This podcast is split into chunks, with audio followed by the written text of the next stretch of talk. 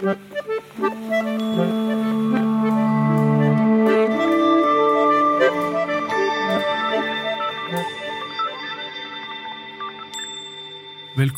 til podkasten Ytringsklima. Her snakker vi om hvordan folk snakker sammen på jobb. Og mitt navn er Øyvind Kvalnes. Jeg er professor ved Handelshøyskolen BI. Eh, gjest i dag er Paul Moxnes, organisasjonspsykolog, forfatter, eh, med spennende tanker om ytringsklima. Velkommen i studio, Paul.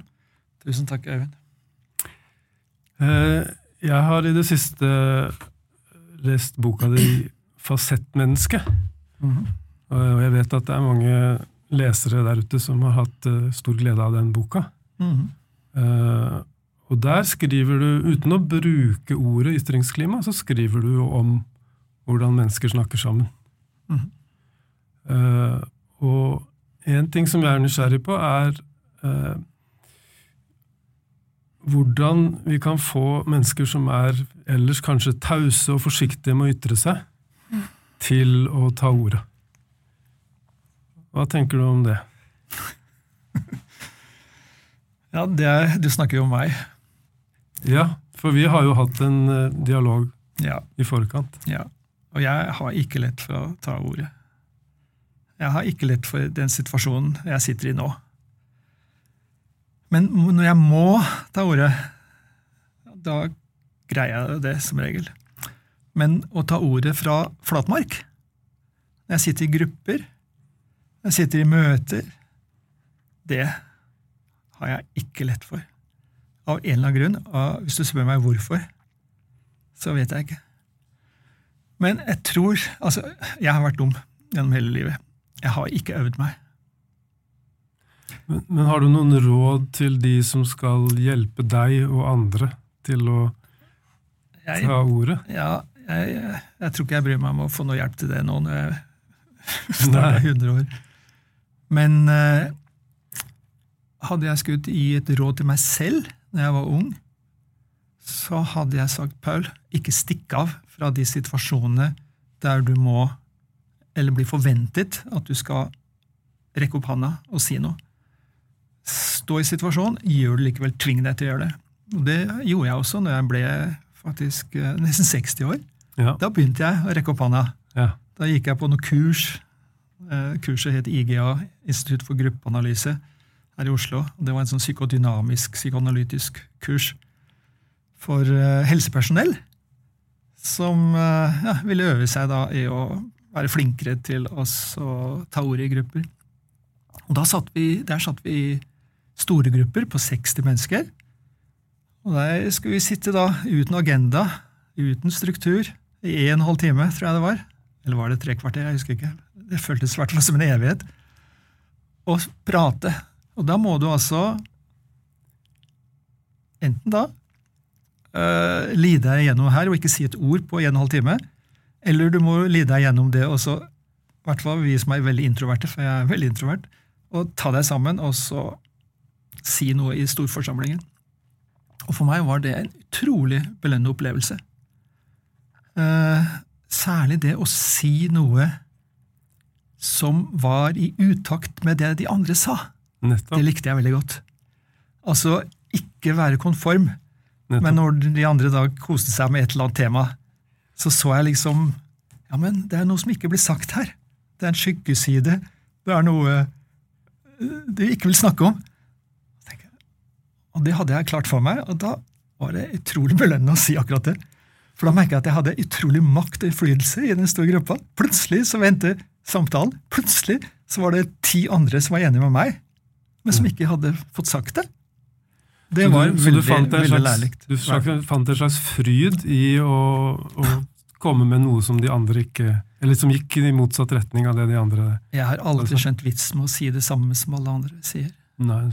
Det, da kan, det, er, det er ikke noe vits å skrive noen bøker. Det er ikke noe vits å skrive noen artikler. Det, det må jo prøve å si noe nytt. Eller i hvert fall noe som er litt annerledes. da. Eller noe som er mitt. Nettopp. Eller noe som jeg er glad i, som, jeg, ja, Ja. som opptar meg. Ja. Ikke det som opptar andre. I, I, et kapittel i, i denne boka, 'Fasettmennesket', så snakker du om eh, eh, folk som sier til deg det du vil, det de tror at du vil høre.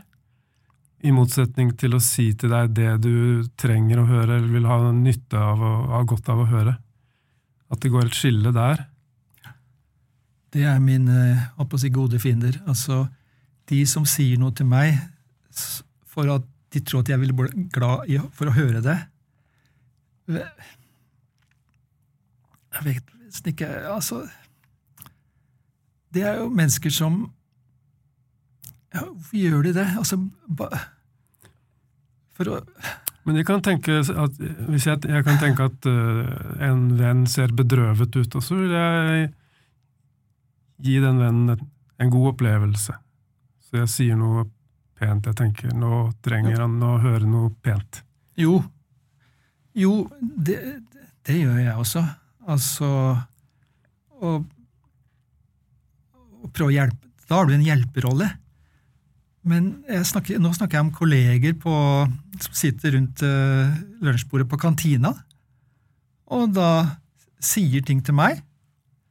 Og, og, jeg lurer på hvorfor du sier det, og så sier de jo fordi at jeg tror du vil like at, å, å, høre det. Og da tenker jeg at uh, ja, Da kunne de like godt latt være? Ja, så jeg tenker, at, jeg tenker mer at uh, hva vil du oppnå? Mm. tenker jeg da. For Du skriver jo også om det med å få presentert ubehagelige sannheter om seg selv. At uh, Noen ganger så trenger vi å få høre noen ubehagelige sannheter. Uh, og Det har jeg jo snakket med flere om i dette studiet også. Om, med ledere, f.eks., som uh, har en plan eller en idé, og så er det noen som ser at det er en svakhet ved den planen, og de trenger virkelig å få høre det. Jeg er ikke noen leder jeg har vært en faglig leder, men ikke noen leder i vanlig forstand. Men jeg husker jo den gangen, særlig én gang, en kollega av meg fortalte meg en ubehagelig sannhet. Og det var tøft, husker jeg. Jeg hadde en replikk tilbake med en gang da, som jeg er litt stolt av den dag i dag. Så er liksom en slags balanse. Men da vi gikk fra hverandre, da måtte jeg nesten løpe til noen jeg kjente, en annen kollega, og spørre er det sant. Er det sånn jeg er? Er det Er det Og eh, da sa jo kollegaen min da Nei da, Pøl! du er ikke sånn. Nettopp.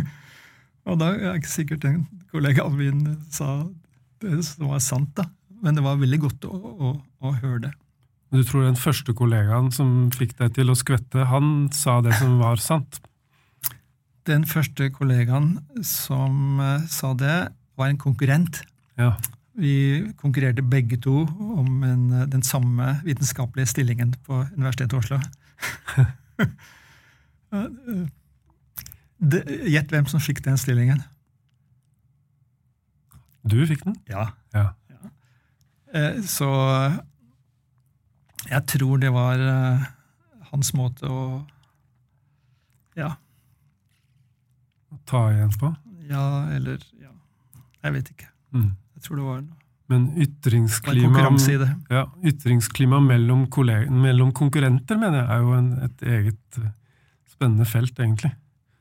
Om du kan regne med at en konkurrent uh, forteller deg sannheten, eller om den konkurrenten vil si noe for å hevne seg eller vippe deg av pinnen? Du, jeg har uh, vært på to ulike høyskoler eller universitet, Det er Universitetet i Oslo og BI. Omtrent 20 år på hver. Og ytringsklimaet på de to stedene er så, veldig ulikt, sånn som jeg opplever det. Uh, på Universitetet i Oslo var det mer åpent. Jeg vil si det åpent. Altså der, det, som, det jeg snakket om nå, det skjedde jo der. Uh, og der kunne det være et ganske tøft ytringsklima. Det var veldig lite ros, nei, null ros egentlig, å få fra kolleger. Hver kollega var opptatt av sitt eget, og var egentlig veldig opptatt av å snakke ned sine ja. For det var en tid der du konkurrerte om stillingen. Det var ikke sånn at når du var kvalifisert, så fikk du den første stillingen i professorat. Nei, du måtte vente på at, ble, at det ble en ledig stilling. Ja. Så det var en, en pyramide som det var, få, det var, veldig få på toppen av pyramiden. Og det tror jeg skapte et veldig tøft ytringsklima, som jeg tenker tilbake på nå. Jeg har ikke tenkt på det før, men det tror jeg faktisk. At det gjorde at vi ble ganske tøffe og veldig negative mot hverandre og spredde dårlige så brukte, brukte rykter som en måte å vinne fram i konkurransen på. Snakket ned, og særlig også på tvers av avdelinger, husker jeg. Hvordan eh, eksempel en, en avdeling kunne snakke ned på en annen avdeling, så de ikke fikk ressurser til sin ting. Så det var et slags ri rivaliseringsklima? Splittelsesklima, vil jeg si. Ja, nettopp. Og det er ikke noe gærent i splittelser for så vidt. Jeg har jo skrevet masse om det. Altså når, det, når klimaer eller organisasjoner splittes, eller faggrupper splittes, eller sekter splittes, eller, eller gamle kolleger eller samarbeidsparter splittes, så er det jo vondt for de som splittes, personlig ofte. Men det kan være innmari bra for en organisasjon og for samfunnet. For når det splittes, så vil det ofte de to bygge opp sine egne organisasjoner, sine egne ideer. Og så får vi da to øh, ja, institusjoner og to faggrupper istedenfor én, som kan konkurrere med hverandre. Eh, det klassiske eksempelet var jo når disse to brødrene som laget disse joggeskoene, ble splittet. Det, ja. Adidas og Puma. Puma, ja. ja.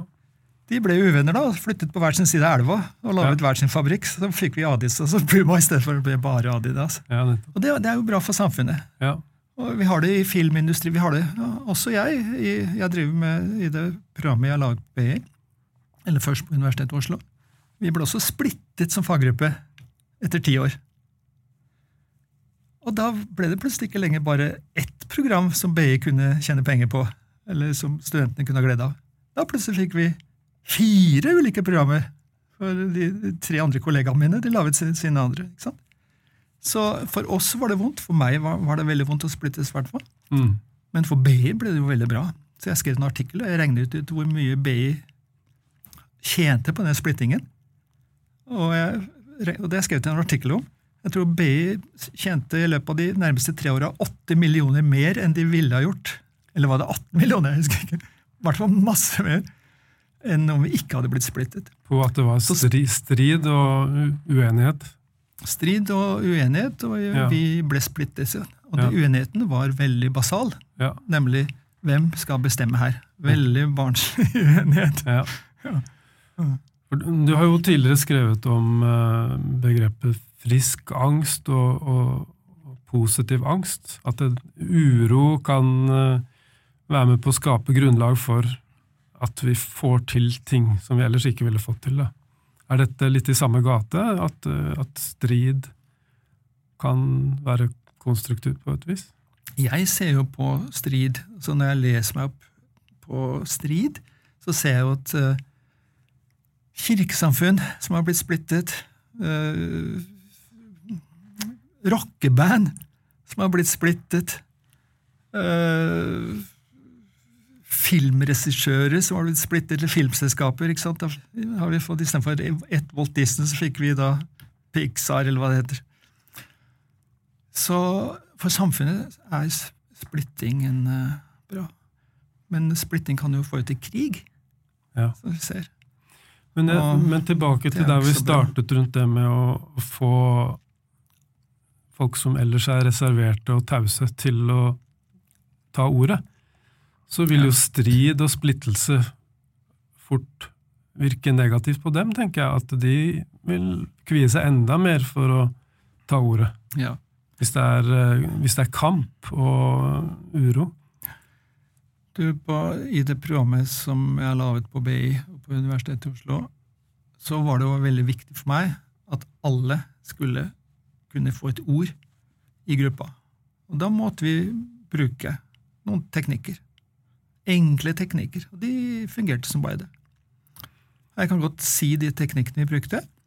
Eh, det, vi gjorde det sånn slik at når de 50 studentene kom inn i klasserommet, så lot vi de få et valg. Eh, og de skjønte ikke hvorfor de måtte velge mellom fem farver som hang på tavla. Men vi sa bare 'velg en farve'. Blå, grønn, rød, gul. Og så valgte de en farve. Og så sa vi 'en av dere som har valgt rød, kom opp på tavla og hent den røde plakaten'. En av dere som har valgt gul, hent den gule plakaten. Setter det ulike steder i klasserommet, og alle som har valgt den samme fargen, setter det sammen. Da fikk vi en gul gruppe, en rød gruppe osv. Og, og det som skjedde da, var at vi fikk en gjeng, et team, som hadde en identitet. Vi er de grønne, vi er de gule, osv. Og, så og det ga en sånn tilhørighetsfølelse i gruppa at skravla gikk jo med en gang. ikke sant? 'Å, du er gul du òg, ja?' Ja, ja, ja, ja, ja. ja, men jeg hadde rød på andreplass. Og, ja, og så snakket de masse om det. Og da så jeg ingen som ikke tok ordet. Skravla gikk fra første stund. Så spennende. Har du noen idé om hvorfor det virker? Fordi ja, det er jeg, har ikke, jeg har ikke hørt om det tidligere. Jeg, jeg er jo vant til at uh, nye studenter kommer inn i et rom, og de setter seg litt tilfeldig ved ulike, de bordene som er ledige. Det gjør de til oss også. Men det, men det blir jo ikke den samme tilhørigheten. Nei da, vi tenker at vi skal ha rask tilhørighet, og da Ja. bruker vi den enkle teknikken. Og, og da har de en tilhørighet, faktisk, som varer hele året. Selv om vi splitter opp gruppa etter den første vi, har, vi møtes fem ganger i løpet av året. Så de husker Og- at de startet opp som gul. de glemmer aldri den gule gruppa si, Nettopp. og de møtes igjen. og Ja. ja, gjennom, ja, ja. Kona mi gikk på det kurset, fortalte, og det, det var i 1998. Og de møttes 20 år etterpå I den gule gruppa. i den gule, ja, i den røde gruppa. over unna. Ja. Og så begynte jeg å tenke, ja, hvem er disse gule der borte? Æsj, tenk at de valgte den gule farven. Mm. Og da får vi altså sånn Hva er det galt med ikke? Hva, hva, Hvilke folk er det? Så blir de nysgjerrige på hverandre, eller faktisk, kan faktisk litt sånn synes de er litt ekle. Eller, ja. Og da spiller vi på det. Nettopp. og ser at ja, men dette er fantasier du skaper deg. Det er Ja. stereotypier. Ja. Det gule er egentlig Det er ikke noe forskjell på de gule og røde, men de tror det. For, for vanligvis så tenker jeg jo at de vil Det er ikke dype grunner til at de valgte gul fremfor rød. Annet enn kanskje blant folk som er veldig ivrige på fotball, som tenker at de heier på det røde laget utenom, så da velger de seg den røde gruppa. Men lurer, ellers så er de ikke så sterke. de lurer på det, om det er dype grunner, og de Ja. spør oss som lærer. Ja, Kan du forklare liksom, hvorfor, jeg, hva, er det meg som valgte den fargen? Og? De får aldri svar på det av oss. Det kan Nei. de lure på. ja. Jeg antar jo at det ikke er dype grunner til fargevalgene, men du har kanskje en annen teori om det? Du og jeg har jo noen favorittfarger. Kona mi elsker jo fiolett, eksempel. Eh, men om det er noen dyp grunn til det Det er vel Syns det er vakkert, da. Ja. Men det forteller jo hvor raskt vi knytter oss sammen og lager en gruppe. Ja, og det er jo sosialpsykologien full av eksempler på. Det første eksemplene var jo at uh, forskerne ba en gjeng med ukjente mennesker ta på seg hatter med ulike farger. Og så gikk de og minglet i, i sånn cocktailselskap. Det tok jo ikke lang tid før alle som hadde den samme hatten, sto i samme cocktailgruppa og snakka sammen. Altså, farve, ja. Mm. Er det dype grunner for det? Ja, du kan gjerne si det. Altså, de, de blir ført av noe de ikke er klar over. Ja. Her har jeg en grønn hatt, og så står jeg jammen og, drikker cocktail med alle andre med grønne hatter. Er det, det er en dyp grunn i den forstand at du er ikke klar over det, hva du gjør. Og det er det hele psykologien handler om. Ja. Du gjør ting du egentlig ikke er klar over hva du gjør. Ja. Og det er det jeg prøver å lære studentene mine på samspill og ledelse. Men jeg, jeg, når du forteller om dette, så tenker jeg på hva som skjer når folk kommer til et selskap hvor de kjenner noen, men de fleste er kanskje fremmede. Så er det jo noen av oss som søker mot det velkjente, mens det er andre som er nysgjerrig på andre folk som de aldri har møtt før. Mm. Så det er veldig forskjellig inngang vi kan ha når vi går inn i et rom hvor det er både fremmede og folk vi kjenner godt. Noen, sier du, men har kanskje ikke tall på det. Nei. Og det har jeg egentlig ikke heller. Men Nei. noen tror jeg er veldig mange som søker I hvert fall jeg gjør det selv. Ja. Oi, her var det jammen ett kjent fjes Ja. i ellers bare ukjent. Da går jeg jo rett bort til denne personen. ja. Hyggelig å se deg igjen. Nettopp. Og da ble jeg stående lenge der, før jeg endelig sa nei, jeg kan ikke stå der lenge. Nå må jeg snakke med de andre. Så tvinger jeg meg til å bryte opp. Jeg tror jeg har litt motsatt tendens og oppsøker folk som jeg ikke har eh, truffet før. Og så kan jeg merke blikk på meg fra de som jeg kjenner godt, som lurer på hvorfor jeg står ikke Øyvind sammen med oss? Har han ikke sett oss enda? Uh, Ja, De kan tenke enda verre enn det. Liker han ikke oss lenger, han Øyvind? Vil han ikke være sammen med oss lenger? nettopp, det har jeg ikke tenkt på, men de kan eh, oppfatte det som en avvisning. At jeg ser etter mer interessante Ja, folk å snakke Vi er med. ikke interessante lenger for Øyvind. Nei. Eller har even en strategi om at jeg må ha flest mulig kontakter i livet, så Ja. jeg må stadig vekk gå opp. Ja. Forbindelse, kontakter lønner seg. ja. Nettverk lønner seg. Mm. Jeg vet ikke. Nei. Jeg går i hvert fall rett bort til noen som Særlig de som jeg ikke har sett på en stund. Ja. Ikke de som eh, jeg traff i går, eller Jeg går ikke rett bort til kona mi. Jeg, det gjør jeg ikke. Nei. Nei. Jeg setter meg på andre sida av bordet enn kona. Mm. Alltid. Ja, det syns Det er noen som bare sitter, setter seg som ektefeller hele tiden. Ja. Det syns jeg er litt feigt. ja. Men uh, Ja, det har jeg observert på sånne familiestevner på Vestlandet. Da trekker man mot sin ledsager, sin kone, Ja. og blir der. ja. Og det syns jeg er kjedelig. Og hvorfor gjør de det, tror du? Jeg vet ikke. Nei, nei svarer ja. Det er klart, er det noe tryggere enn det, da? Ja, de søker trygghet. Og kanskje også vil bekrefte overfor ja, resten av forsamlingen at alt er vel med oss. Vi står, hvis vi står i hver vår ende av lokalet, så vil de kanskje tenke at ah, er her er det noe knyttet på tråden. Kanskje. Men, men noe av det vi har snakket om nå, Paul Moxnes, det handler jo om dette begrepet psykologisk trygghet, tenker jeg. Ja. Altså, fordi du sa at eh, da du øh, trente på å snakke i forsamling, så likte du å, å ta et, et sånn motsatt syn til det som eksisterte i gruppa. Og det er jo et tegn på psykologisk trygghet. At du eh, ikke søker konsensus, men at du søker dissens eller friksjon, eller, eller eh, å få fram et annet perspektiv da, enn det som dominerer i gruppa. Nå snakker du om psykologisk trygghet som en som individuell variabel, da, som personlig variabel. Men jeg føler meg ikke psykologisk trygg i det hele tatt. Jeg har jo alltid i mitt liv følt meg som en stor øh, angstbyll, på en måte. Altså, men jeg har jo aldri latt øh, jeg kan, jeg kan ikke la den angsten stoppe meg. Jeg, jeg er jo livredd for å ta ordet i forsamlinger. Alltid vært. Men vil det så er variere fra gruppe til gruppe? Altså, Er det noen grupper hvor du kjenner at her kan jeg ta ordet? Jo, for det første så har det blitt mye bedre på mine gamle dager. Ja, Jeg er blitt alt, vel, kona sier at nå syns jeg du prater litt for mye. Jeg har liksom løsna i tungebåndet på mine gamle dager. Det hjelper å bli gammel. Men da jeg var ung, så sa jeg, aldri, jeg sa jo aldri et ord på folkeskolen. Annet enn når jeg prøvde å gjemme meg så godt jeg kunne bak ryggen til eleven som satt på pulten foran meg, så at ikke læreren skulle se meg og spørre meg om jeg hadde lest leksa mi, som jeg aldri hadde gjort. Og på realskolen, som det het den gangen, jeg sa jo aldri noen ting. Aldri.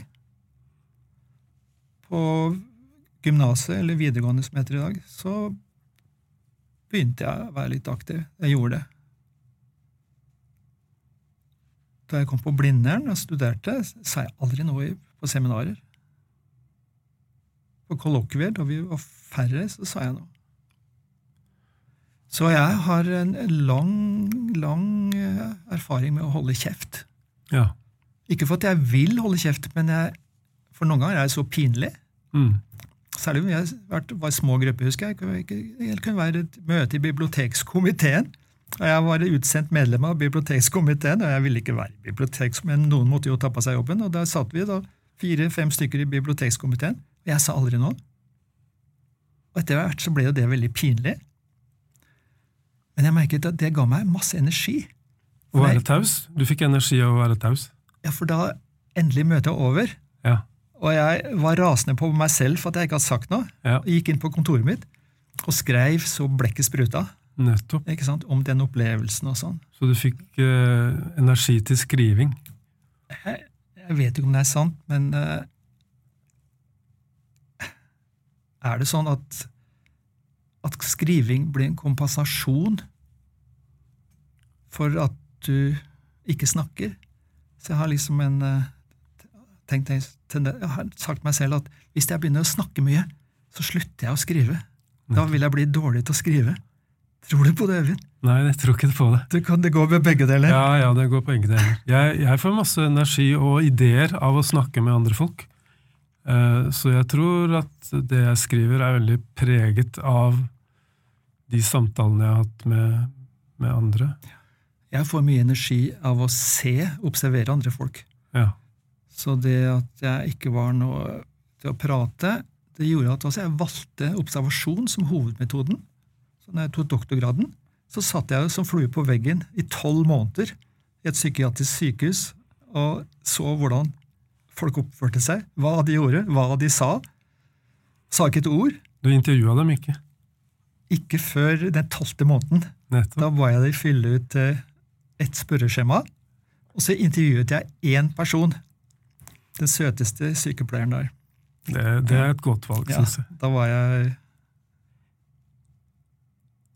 28 år, tror jeg. Ja. 29. Men, men det vi, Og det hadde jeg stor glede av. Ja, nettopp. Men jeg tenker meg at det, det er jo Vi har da Pauls metode, som er observere og ikke, nesten ikke si noen ting, men få alt ut i tekst. Og så har vi Øyvinds metode, som er å prate med folk, samle historier som de forteller, og så skrive. Og vi trenger jo ikke altså Begge de to metodene funker. Ja, visst. Pauls metode funker for deg, og Øyvinds metode funker for meg. Og det er jo meningsløst å skulle som, sortere eller grad, eh, rangere de, de måtene å jobbe på. Det er jo det hele livet går ut på. Å finne sin metode. Finne hva som fungerer for meg. Og det er ikke bare to metoder. Auds Nei, nå sier jeg Auds, det er kona mi. Øyvinds og Pauls metode. Nei, Det er noen millioner metoder. absolutt. Du må finne fram til din metode. Ja. Nettopp. Um, Ellers så blir det en kopi. ja. Så alle må finne sin egen metode. Uh, men, men på, i et fellesskap Hvis du er litt ambisiøs, vil jeg merke. ja, Det Men er, hvis, men hvis vi er i en gruppe, et fellesskap, så, så Og vi kan jo snakke om psykologisk trygghet på gruppenivå, ikke sant? Også. At hva, hvilket uh, trygghetsnivå er det i denne gjengen her? Uh, så gir det jo god mening å prøve å forsterke det, slik at uh, også de som vanligvis er tause, tar initiativ og kommer med ideene sine. jeg vet ikke, Nå har ikke jeg jobba i praksis utafor universitet og høyskole noen gang, så jeg vet ikke hvordan det i det vanlige arbeidsliv Jeg har aldri vært ute i et vanlig arbeidsliv. Men eh, jeg har jo jobba, det sa jeg vel også, for å få psykologisk trygghet inn i disse grupp, studentgruppene mine. Og brukte noen, noen triks, da. Og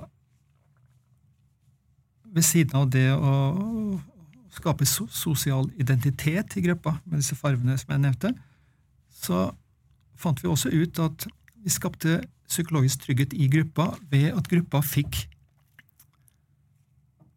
noen klare motstandere, Ja, så at de kunne samles om det å konkurrere med andre. ja, Altså vi mot dem.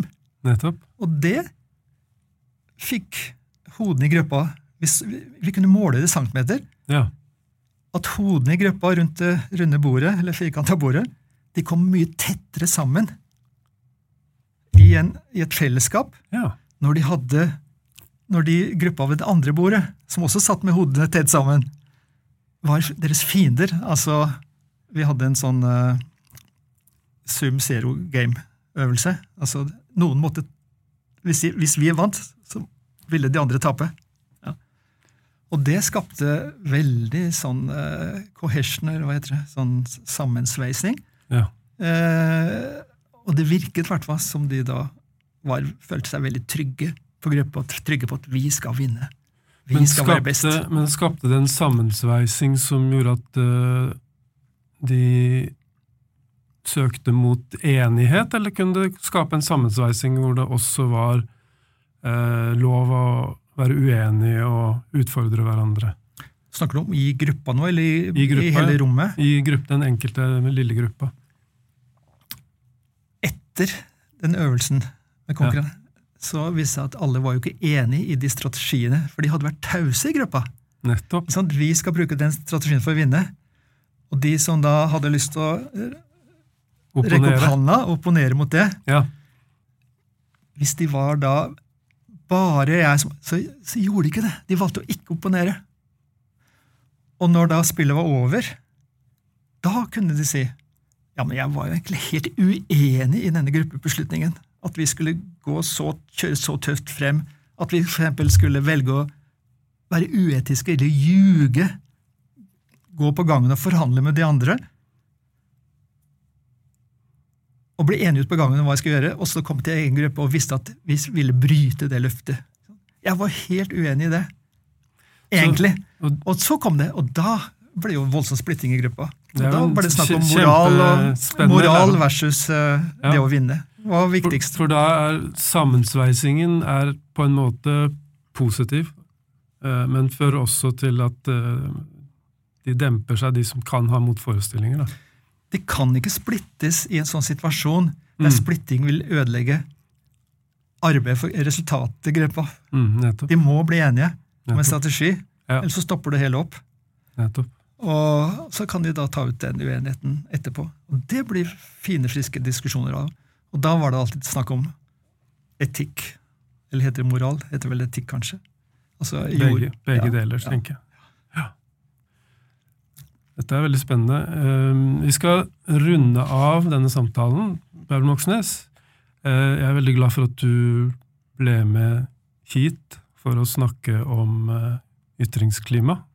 Eh, vi har koblet det opp mot boka di 'Fasettmenneske', som handler mye om i hvert fall det jeg har lest nå i det siste, om ytringsklima på mange måter. Det med å, å være en hjelper for andre også.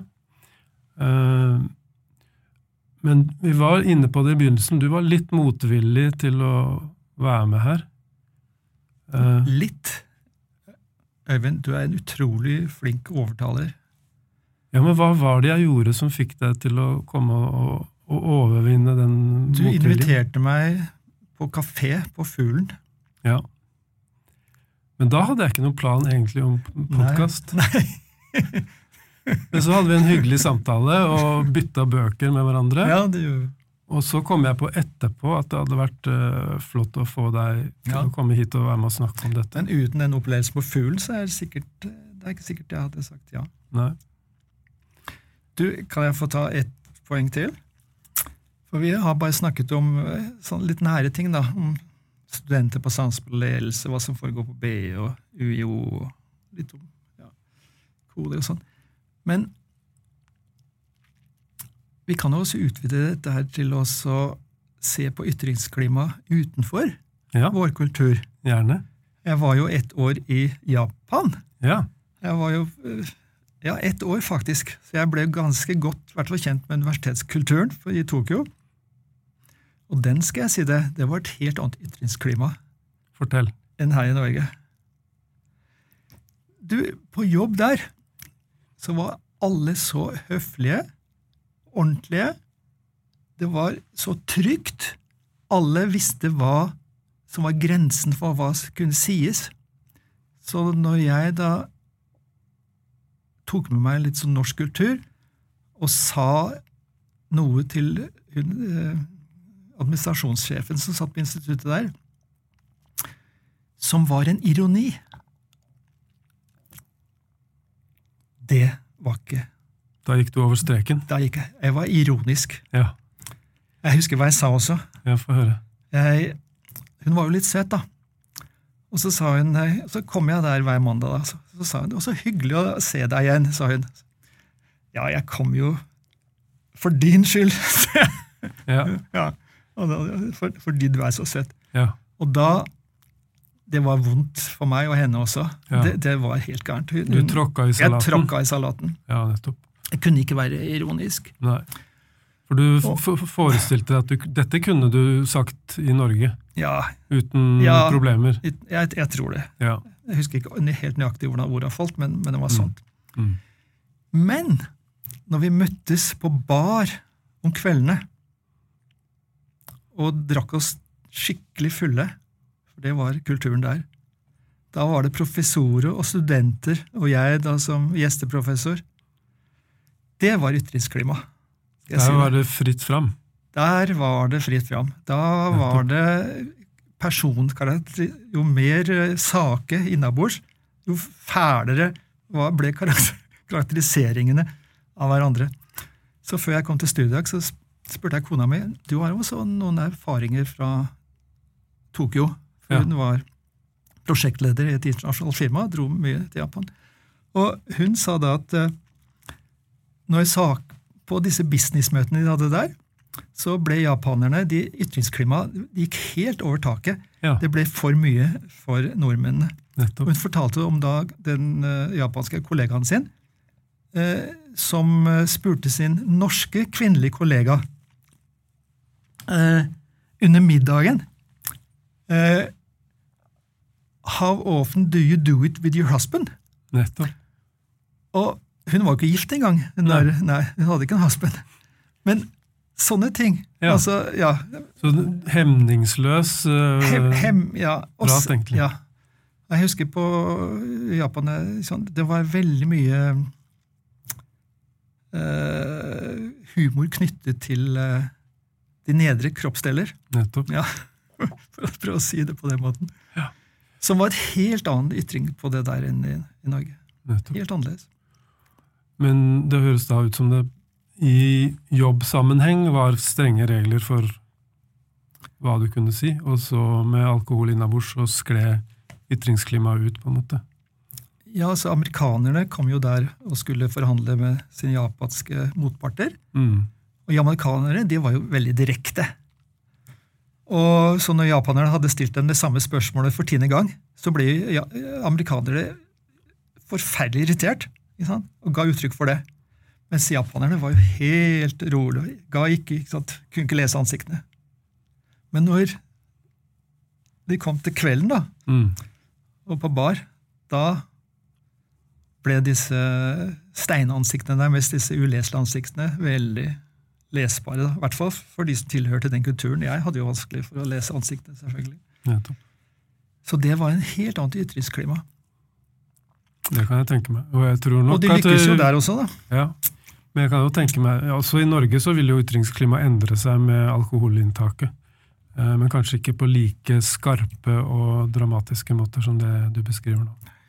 Men kanskje ytringsklimaet vil også forandre seg over tid? At det ikke er så veldig stabilt i Norge også? Er det sånn at ytringsklimaet, liksom det som er ytringsklimaet i 2022, det var noe annet enn det som var i, under jappetiden i 1980, og det er kanskje noe annet enn det som vil bli i 2030? Jeg tror, jeg tror ytringsklimaet er ganske omskiftelig.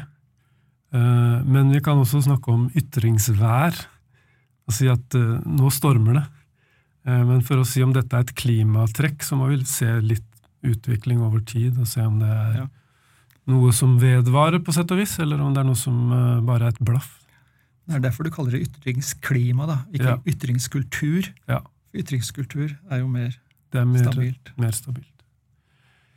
Tusen takk, Paul Moxnes, for at uh, du overvant motviljen til å være med i en prat om ytringsklima, og har vært med å dele dine tanker og ideer her. Eh, vi som hører på, er blitt klokere.